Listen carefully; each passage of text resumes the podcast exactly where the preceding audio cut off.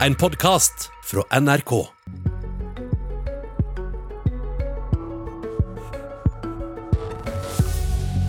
I dag lander sju barnefamilier fra Moria-leiren på Gardermoen etter at bl.a. KrF pressa på for å få dem hit. På samme tid er fire barn av norske mødre gjerda inne i leirer i Syria. Det skal ikke stå på viljen, sa KrF i 2019. Så da kommer vel de snart også, da. Barn i flyktningleirer er tema i Politisk kvarter. Syriske barn lander altså på norsk jord i dag, medan fire barn av norske mødre, også kjent som IS-kvinner, er igjen i det krigsherja landet. God morgen, Sylvi Listhaug, nestleder i Frp, og Kjell Ingolf Ropstad, partileder i KrF og barne- og familieminister. God morgen. Ja, Ropstad, kommer du til å ta imot de sju barnefamiliene personlig i dag? Nei, de har rett på sitt privatliv og skal bli tatt imot av politiet. De skal testes for covid-19, de skal sendes til, Rådet og gå gjennom de ordinære prosessene. og Forhåpentligvis vil ikke det ta for lang tid. UDI har anslått at behandlinga kanskje kan ta så kort tid som 21 dager. Og så vil de da etter ordinære prosesser bli plassert ute i kommunene og skal få lov å starte livet sitt. Behandling av asylsøknadene? Ja. Det stemmer. Og du regner med at de får oppholdsløyve? Ja, altså Det har jo vært viktig for oss at når vi først henter asylsøkere fra Moria, så velger vi noen av de gruppene som vi har størst sannsynlighet for å få oppholdstillatelse. og Da har vi pekt på syriske barnefamilier, som vi vet med stor sannsynlighet vil få det. Eh, og Det betyr at de òg vil gå på den kvoten som gjenger med, med ordinære kvoteflyktninger når de får oppholdstillatelse. Men hva kjenner du på da når du i dag kan si at i dag kommer Moria-barna? Nei, Jeg vil jo si at jeg er glad for at de endelig kommer. Jeg skulle jo ønske at de kom tidligere, og for så vidt flere. Men, men det er et veldig viktig signal. og Det som har vært viktig for KrF, er at, at vi til del i den europeiske solidaritetsdugnaden. fordi det er noen land i Europa som tjener stor byrde. Eh, her er det Hellas, du kan ta Spania, du kan ta Italia, Malta, andre land som får mange flyktninger. Eh, og da, da har det vært viktig at når de har bedt så innstendig om hjelp, Tyskland stiller opp, Frankrike stiller opp, Finland, Irland osv., så, videre, så stiller jo Norge opp. Og Helst skulle jo jeg sett en europeisk byrdefordeling, en mekanisme som gjorde at eh, det ikke bare var de landene som tok ansvaret, men det at vi skal stille opp sammen med de andre, det har vært det aller viktigste. Og 35 av 50 kommer i dag, og det har altså pressa litt på i det siste? Ja, det, det, tok litt lengre tid? Ja, Utover høsten så, så, var det krevende, men det er klart at Hellas var jo midt i en pandemi. sånn at uh, Det er ikke annet å forvente, men det var viktig for, for Norge å si at uh, dersom uh, Vi har alt klart, det sto ikke på Norge, for å vise at her skal de kunne komme. Og så har det jo vært noe forsinkelse i det siste òg pga. sykdom, heldigvis ikke covid, men andre ting, som har gjort at det er vel 33 som kommer i dag, og så kommer, kommer resten når de er friske og kan, kan gjøre det. Sylvi Listhaug, du mener at eh, regjeringa ikke burde prioritert og pressa på for å få disse her eh, hit til Norge nå. Eh, hvorfor burde en ha venta? Altså, vi ønsker jo at Norge skal hjelpe i nærområdene, hjelpe der de er, for å hjelpe mange flere, i stedet for å være opptatt av noen få, sånn som KrF dessverre er. Og så handler dette her om prioriteringer. Vi har jo sett i det siste at mange får ikke nødvendig helsehjelp i Norge. Vi har unge personer som ikke får behandling for øyesykdommer som kan gjøre dem blind. Norge har ikke råd til det. Vi ser innenfor kreftbehandling så er det mange som ikke får hjelp, eh, eller få den behandlinga si tilgjengelig fordi den er for dyr.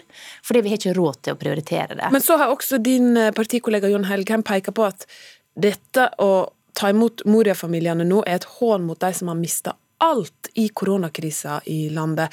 Hvem er det som har mista alt pga. koronaen? Det er jo kjempemange som er redd for å miste bedriftene sine. Det er veldig mange som har mista arbeidsplassen sin. Det er mange som er permitterte. Jeg har fått mange fortvilte mailer fra folk som har kjæreste i andre land, enten det er Danmark, Storbritannia, andre steder på kloden. De har ikke sett hverandre på et år. De kommer ikke inn i Norge, grensen er stengt. Arbeidere som er... ikke får komme inn i landet. Det er fortvilte arbeidsgivere, det er fortvilte arbeidstakere. Grensen er stengt. Men så, når det kommer asylsøkere fra Moria, da åpner VIPS grensene seg. Jeg tror folk reagerer på denne prioriteringa. Jeg tror folk har veldig stor forståelse for at Norge skal bidra internasjonalt. Vi har lang og god tradisjon nettopp for det. Så er det ikke noe tvil om at det er tøft i Norge. Det er mange familier som er det vanskelig, mange bedrifter som har hatt det krevende. Men vi ser òg en, en lysning. Det er ikke veldig lenge før vi kan eh, se at vaksinen er kommet til de aller fleste. Norge kan åpne opp igjen og vi kan ta hverdagen mer og mer tilbake igjen. Så det at vi skal stille opp, det, det mener jeg er en selvfølge. Eh, vi tar 50. Det er andre land som tar mange færre enn det, men det er iallfall en del av den fordelinga av byrden mellom de europeiske landene, som jeg mener er veldig viktig at Norge tar del i. Men hvorfor stiller ikke dere for kreftpasienter? Jo det. det er veldig mange som har innsamlingsaksjoner. Okay, det er egentlig en litt annen diskusjon, Listhaug. Ja, men nå snakker vi om Det skjønner jeg. Og det er der problemet ditt er, for du prioriterer andre men vi kan ikke diskutere nordmenn som trenger hjelp her for sykdom, f.eks. Men vi skal flytte oss til en annen leir, eller mm, kanskje to leirer. For i Al-Hol-leiren, som ligger i det kurdiske selvstyreområdet, på syrisk territorium, da, så har vi allerede henta fem foreldreløse barn. Og de to barna til kvinner som nå står tiltalt for deltaking i IS. Nå er det fire norske barn igjen, og fire kvinner i to ulike leirer. Kjell Ingolf Ropstad, hva bør Norge gjøre for disse barna? Jeg skulle jo ønske vi kunne hente de ungene hjem. For meg har det vært et viktig utgangspunkt at uh, ungene er uskyldige. Foreldrene har gjort forferdelig dårlige valg, eh, farlige valg, har vært med på grusomme handlinger, kanskje. Eh, men ungene er likevel uskyldige, og de vokser opp under forhold som, som ingen unge skulle vokse opp under. Så mitt utgangspunkt har hele tida vært at jeg ønsker å eh, hente de norske ungene hjem. Og så er jeg veldig glad for at vi har fått hjem de fem foreldreløse og de to andre der det var en, et barn som, som var alvorlig sykt.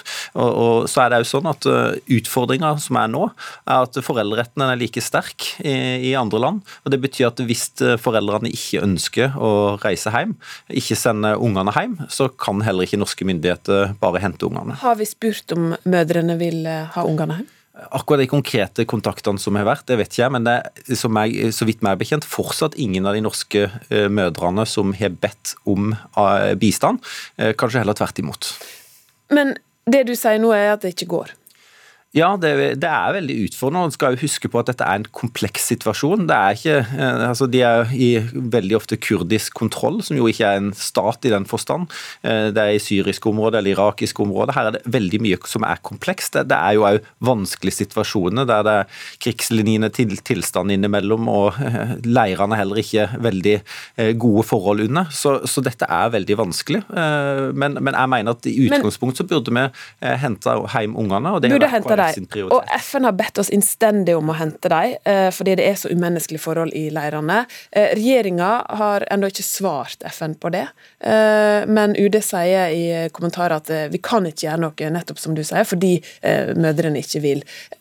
Hvordan rimer det med at du i 2019 da sa det skal ikke stå på viljen? Altså, Jeg har jo hele tida vektlagt de som ønsker å be om bistand. Eh, og Sånn er det jo at UD stiller opp mange steder rundt om i verden med konsulær bistand. Det sa ikke dere i 2019. Da sa det at vi må hjelpe norske barn hjem, mm. uavhengig om de er foreldreløse eller ikke. Mm. Ja, altså Det har vært KrF sitt utgangspunkt, men det er klart at når foreldrene nekter, eh, eller de ikke ønsker å reise hjem, så kan ikke Norge heller bare hente dem. Og Det har vært litt av utfordringa i denne saken. Men som du viser til, så har FN kommet med en henvendelse. Den vet jeg ligger til behandling i UD, og den skal vi svare ut på på ordinær måte. Hva bør svaret være, syns du? Ja, det skal vi ta diskusjoner på i, i regjeringa. Hva mener KrF? Eh, vårt utgangspunkt er at vi ønsker å hente ungene. Mitt engasjement det har jo vært for ungene. Jeg, jeg har ikke hatt et stort engasjement for å hente hjem eh, fremmedkrigere, mødre. Jeg har heller syns tanken om en internasjonal straffedomstol er eh, vel så spennende og, og, viktig, fordi det handler jo om at i utgangspunktet så bør de grusomme handlingene men, men som er blitt gjort, bli straffa og, og, dømt der de er Da er vi der oppsatt for å bli henta hjem til Norge som barn av norske mødre, som gjør at du kan få norsk statsborgerskap, så må du enten være en gresk ja, da er det ikke den norske Men for å bli henta hjem til Norge som barn, så må du enten være en gresk flyktningleir eller være foreldreløs eller antatt alvorlig syk. Altså, jeg er jo veldig glad for de ordinære prinsippene med 3000 kvoteflyktninger ligger i budsjettet for 2021. Så det er veldig mange barn som skal komme til, til Norge. Men, men ikke gjelder, de fire norske? Nei, så Utfordringa der er det, det, er mange andre barn som er kidnappa eller som er ute rundt forbi i verden som ikke vi klarer å okay. hente hjem. Så, så, Sånn er bare reglene. og det som er utfordringa. Jeg skulle veldig gjerne ønske at vi kunne hente de ungene som er uskyldige. Hørte vi nå, Sylvi Listhaug, at Kjell Ingolf Ropstad rett og slett brukte litt av dine argument i denne saken? Jeg vet, Han bruker litt forskjellige argumenter. Det som i hvert fall er helt sikkert, er at Fremskrittspartiet forhandler ikke med terrorister. Derfor kommer vi aldri til å bidra til at noen av disse voksne damene som er søtte og sett på, støtter et regime som begår halshogginger, bestialske drap, som støtter det verste terrorregimet som har vært på veldig mange tiår, kommer oss aldri til å bidra til. Og Det vet jeg, men høyre, det du hører fra Ropstad her, tyder vel på at disse kommer ikke til å komme heller? Nei, altså Med mindre de ber om å få komme, men da regner jeg med han vil forhandle med IS-terrorister igjen. Man har jo gjort det én gang, og da tror jeg dessverre at man fort kan komme på den galeien. Fremskrittspartiet har hele tida sagt at vi kan gjerne hente hjem igjen barna, men vi betakker oss for å ta hjem igjen folk som er støtta IS, altså IS, som kan være potensiell en sikkerhetsrisiko. Og Det sier jo både PST, europeiske sikkerhetsmyndigheter, at man er svært bekymra for alle de som sitter der nede i nærområdene som er støtta dette regimet, og som kan komme til å reise tilbake til våre samfunn, samfunn de i utgangspunktet hater. Derfor, så, det, så det er villig til å skille mødrene fra ungene? Det kan ikke vi gjøre, så det må være frivillig. Norske myndigheter kan ikke reise rundt i verden og kidnappe barn på, på, på tvers av foreldra sine vilje. Så det er utgangspunktet. Men, men dessverre så frykter jo jeg at vi har jo sett det, at man prioriterer IS-terrorister. man prioriterer prioritere Moria-asylsøkere. Samtidig sitter med millioner på millioner av barn rundt omkring i flyktningleirer som man ikke tenker på, fordi at disse her organisasjonene som Ropstad eh, putter eh, full eh, med penger, har søkelyset sitt ett sted. Og Da er det der man ser, det er der man engasjerer seg, og så glemmer man alle de andre. Dette, dette er jo helt feil. Og så har Frp null troverdighet når det gjelder. De vil ikke hente noen. Heldigvis så ble vi enige om å hente 3000 kvoteflyktninger òg i 2021. Ja, og Derfor kutter de ikke 11 milliarder bistand. Eh, de ikke har null troverdighet på det. Men, men, eh, nok om det. Det som er viktig for KrF, er at vi skal stille opp. Eh, dette er norske barn som, som, som vi var veldig glad for at vi skulle hente. Når vi fikk vite at den ene barnet var alvorlig syk, mora ba om bistand, så var det viktig for oss å hente hjem mora. Men, mener du at du, ja, men bare for å spørre om det med bistand ja. det, skal ikke etterlates et inntrykk at men for å få, få det klart, mener, mener du at eh, UD eller de regjering bør sette seg ned med disse mødrene og prøve å få overbevise dem om at de bør komme seg hjem?